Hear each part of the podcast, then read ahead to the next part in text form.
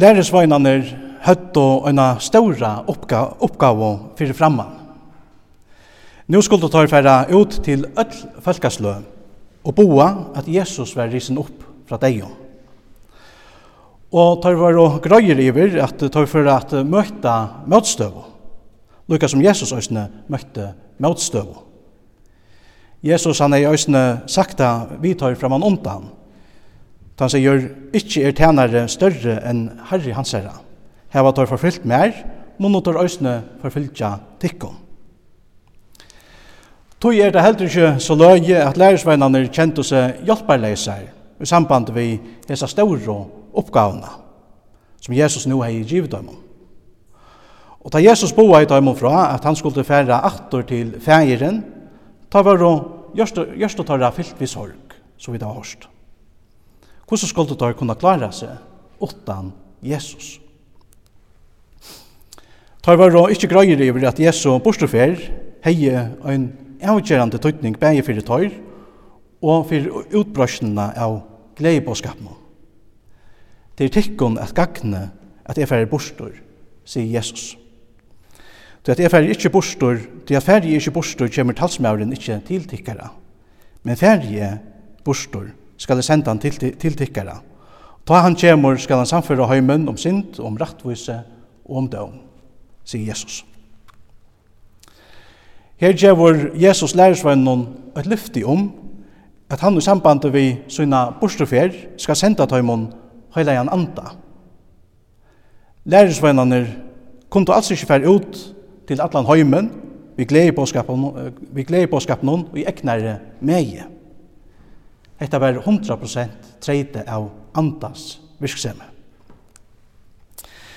Her var Jesu år om hans herra borstofer, fyllte lærersveinene vi sorg, så mest i hekta korsen ikkje at Jesu gjerningur og Jesu nir heimnon var livur.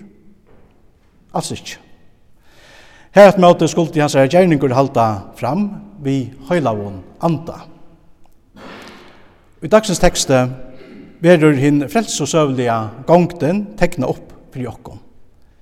Jesus ma fyrst færa heim til færen, og det hender omvegis hans er deia, opprøst og hans er himmelsfær.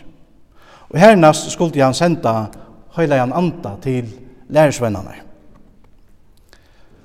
Og just hekta er også nekka som profetaner i Gamla Testamentet profetera om. Og i lesen noen hørte vi til dømes profetiet tja Ezekiel. Jeg gjev tikkun nytt hjerte, og legger nuttjan anda tikkun i brøst, sier Ezekiel. Så her høyra vi dette profetiska lyfte om høyla i andans gjerning som Jesus talar om i hessen teksten som vi har hørt i det. Da han kjemur sannløykas ande, ta skal han veløya tikkun til atlan sannløykan. Og Jesus gjør øyne en nærre løsning av andans gjerninger, som er liksom evne i det, andans gjerninger. Han skal samføre heimen om sint, om rettvise, om døm, sier Jesus. Vi har som trimon gjør Jesus en samandrott av andans gjerninger i heimen og i okkara ekna løyve. Det første som Jesus sier er at heilar ande skal samføre heimen om synd. At du er menneske og ikke trykva av Jesus.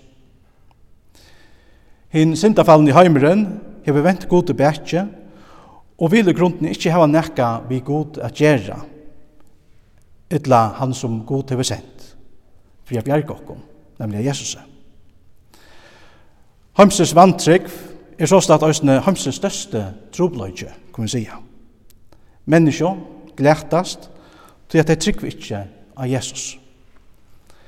Men Gud elskar heimen og vil ikkje at, ne at nekkar av okkon skal glættast, at nøkker menneskje skal glættast.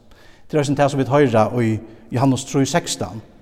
Her det stendur, «Til jeg så elskar i god heimen, at han gav sån sån inn øynbøyna til tess at øyn og kvør som tror han ikkje skal glættast, men hava evigt liv.» Jesus kom inn og gjente her heimen for at frelsa syndarar. Og av krossen hon gjørte han opp i atlar okkara synder. Etter som Paulus æsne sier enastane, han strika i ut skuldabravet som kom okkon vi, og var skriva vi båren det som var okkon imot, og han bøynte fire tøy, vi til at han nelde det av krossen. Jesus han hever stilla seg i okkara sted, A Golgata tók han dømen fyrir allar okkara synder og seg sjálfan. Tan som trúra han, er tog jøsne frelstur undan daume og glættan. Til at Jesus han hefur langt å strika hans herra, eller hennara skuldabrau vi at nekla det av krossen. Jesus han sier jøsne sjálfur, Sanneliga, sanneliga, sier tikkon, tan som høyrer årmukt og trur honom som sender meg, hever avvitt liv. Det er altså nekka som langt er galdande, hevur av et liv, og kjemur ikkje til døms, men han er stige i om fra deianon til livet. Så det er større ting talan er om, da man styr iver om fra deianon til livet, vi kynne av Jesus.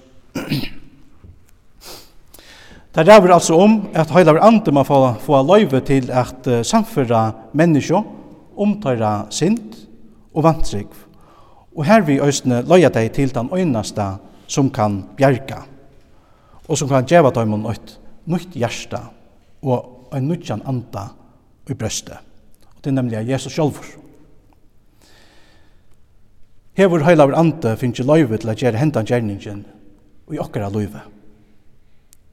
Hevur han finnst ikke løyve til å vise okkon okkara sind, okkara mantrykv. Og hevur han finnst ikke løyve til å løye okkon til okkara øynast og bjergjeng Jesus og trunna han. Kom sannlagas ande vittne ber at Jesus Kristus løyvorst er og at vit øyna vita han som salon varon bjarga kan, synes jeg vidt øsne.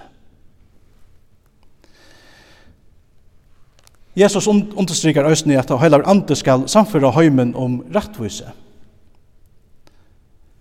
Ta anden viser okkon at vi er syndarer, så viser anden okkur samstundes at vi mangla ta fullkomna rattvise som god krever av okkur. Og at det er avgjørlig til okkur at oppfylla etter her kreve og i egnare megi. Lukka mykje, hvordan nek vi drøyna? Paulus han året av Øsne Soløys. Til at ødla var synda, og tøym vanta vantar gos høyur. Og tøy vera rettvisgjørd fri ønskje av nai hansara vi endurløysingsne som er i Kristi Jesus. Som uh, syndere mekna vi rett og slett ikke at livet opp til det som Gud krever av oss. Fullkomme rettvise og fullkomnan høylaløyga. Det er såleis er god. Det finnes bare øynvever til menneskjon her til kunne få av lot og gjøres ned. Og til vi at bruka han frelsevegen som Gud sjølvor har gjørst til okkon vi Jesuset. Jesus han er Guds frelsevever. Det er bare vi hånden og i okkara løyve at vi kunne være til som Luther kallar i Simul Justus et pikator, det vil si samstundes rattvisor og en syndere. Høydar ante hur vursdokkon at vi er og syndere. Men samstundes har anden òsne vursdokkon hina gledelige støvna, så vi er støtt og vi syndene av Jesus. til en gledelig støva av standoi.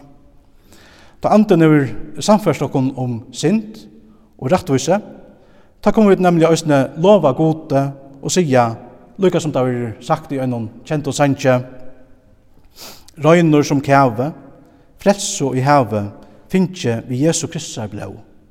Året mer sier, et nu er frigjør, finnjen til lampe, futjentans lov. Frelstor i ere sælerberstøy, Jesus sko sonur deian gjekk ui, frelstur fra daume, himen i haume. Amen. Halleluja. Og i dagsens tekste har vi døysen i hørst Jesus sier at andre skal samføre heimen om daum. Ta heilar andre samføre heimen om daum, ta gjer han det vi er pøyka at han daumen som langko er feltur iver djevelen, høvdingan i hesson heime, hørt vi i evangelion. I samband vi dom heimsins sier Jesus til dømes at hin evige eldren er atlaver djevnon og ønglon hansara. Da anden samfører heimen om døm, vi har pojka, pojka av dømen som langt er feltur i djevelen, ta vi rett her gjørst og i tøyvevn at heimren skal få egin i oppfyllelsen i sannleikene, at òsne kjemur en dømadavur fyrir okkon menneskjon ein dømur som vi fyrir alt i verni i at flytja undan.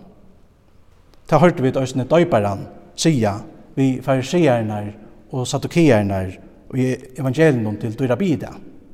Han sier, hver lærte tek a flytja undan hinne komande røyene? Og samme hatt vera vit bjerga undan hinne komande røyene vi at løyta til han som døyparen pojkar av. Han sier, Sui lampe som ber sin tømsens. Så han pojkar av Jesus og sier sykots lampe som ber sin tømsens. Vi flytter undan henne kommande brøyene. Vi har flyttet til Jesus. Vi støyer i rom fra deianon til løyve, tar vi flyttet til Jesus. Heilar ante viser okkon altså sannleikan om hessi her troi. Sind, rattvise og døm. Det er anden som samfører okkon om okkara synd, og påkar okkon av han som kan bjerga okkon, Jesus. Det er anden som vittnar om Guds rattvise, det er rattvise som Jesus sjálfur hefur vunni okkon, viser noen fullgjørda verskje av Golgata. Røyner som kæve, og i heve, finnje vi Jesu Kristus er blå. Og til anden som samfører okkon om døma det, og viser okkon av han som kan bjerga okkon undan hinne komande røyne. Han som flytjar til Jesus hevur løyve og kjemur ikkje til døms, men hevur stige i rom fra deianon til løyve. Andana ante stoi nu fra du hua, to som vi fægir og sine er god.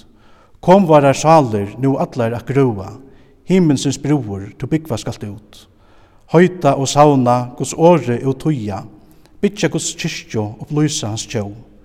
Ta er tun gjerningur, oskalt og vuja, gjørstum ber på at gos miskun er gau.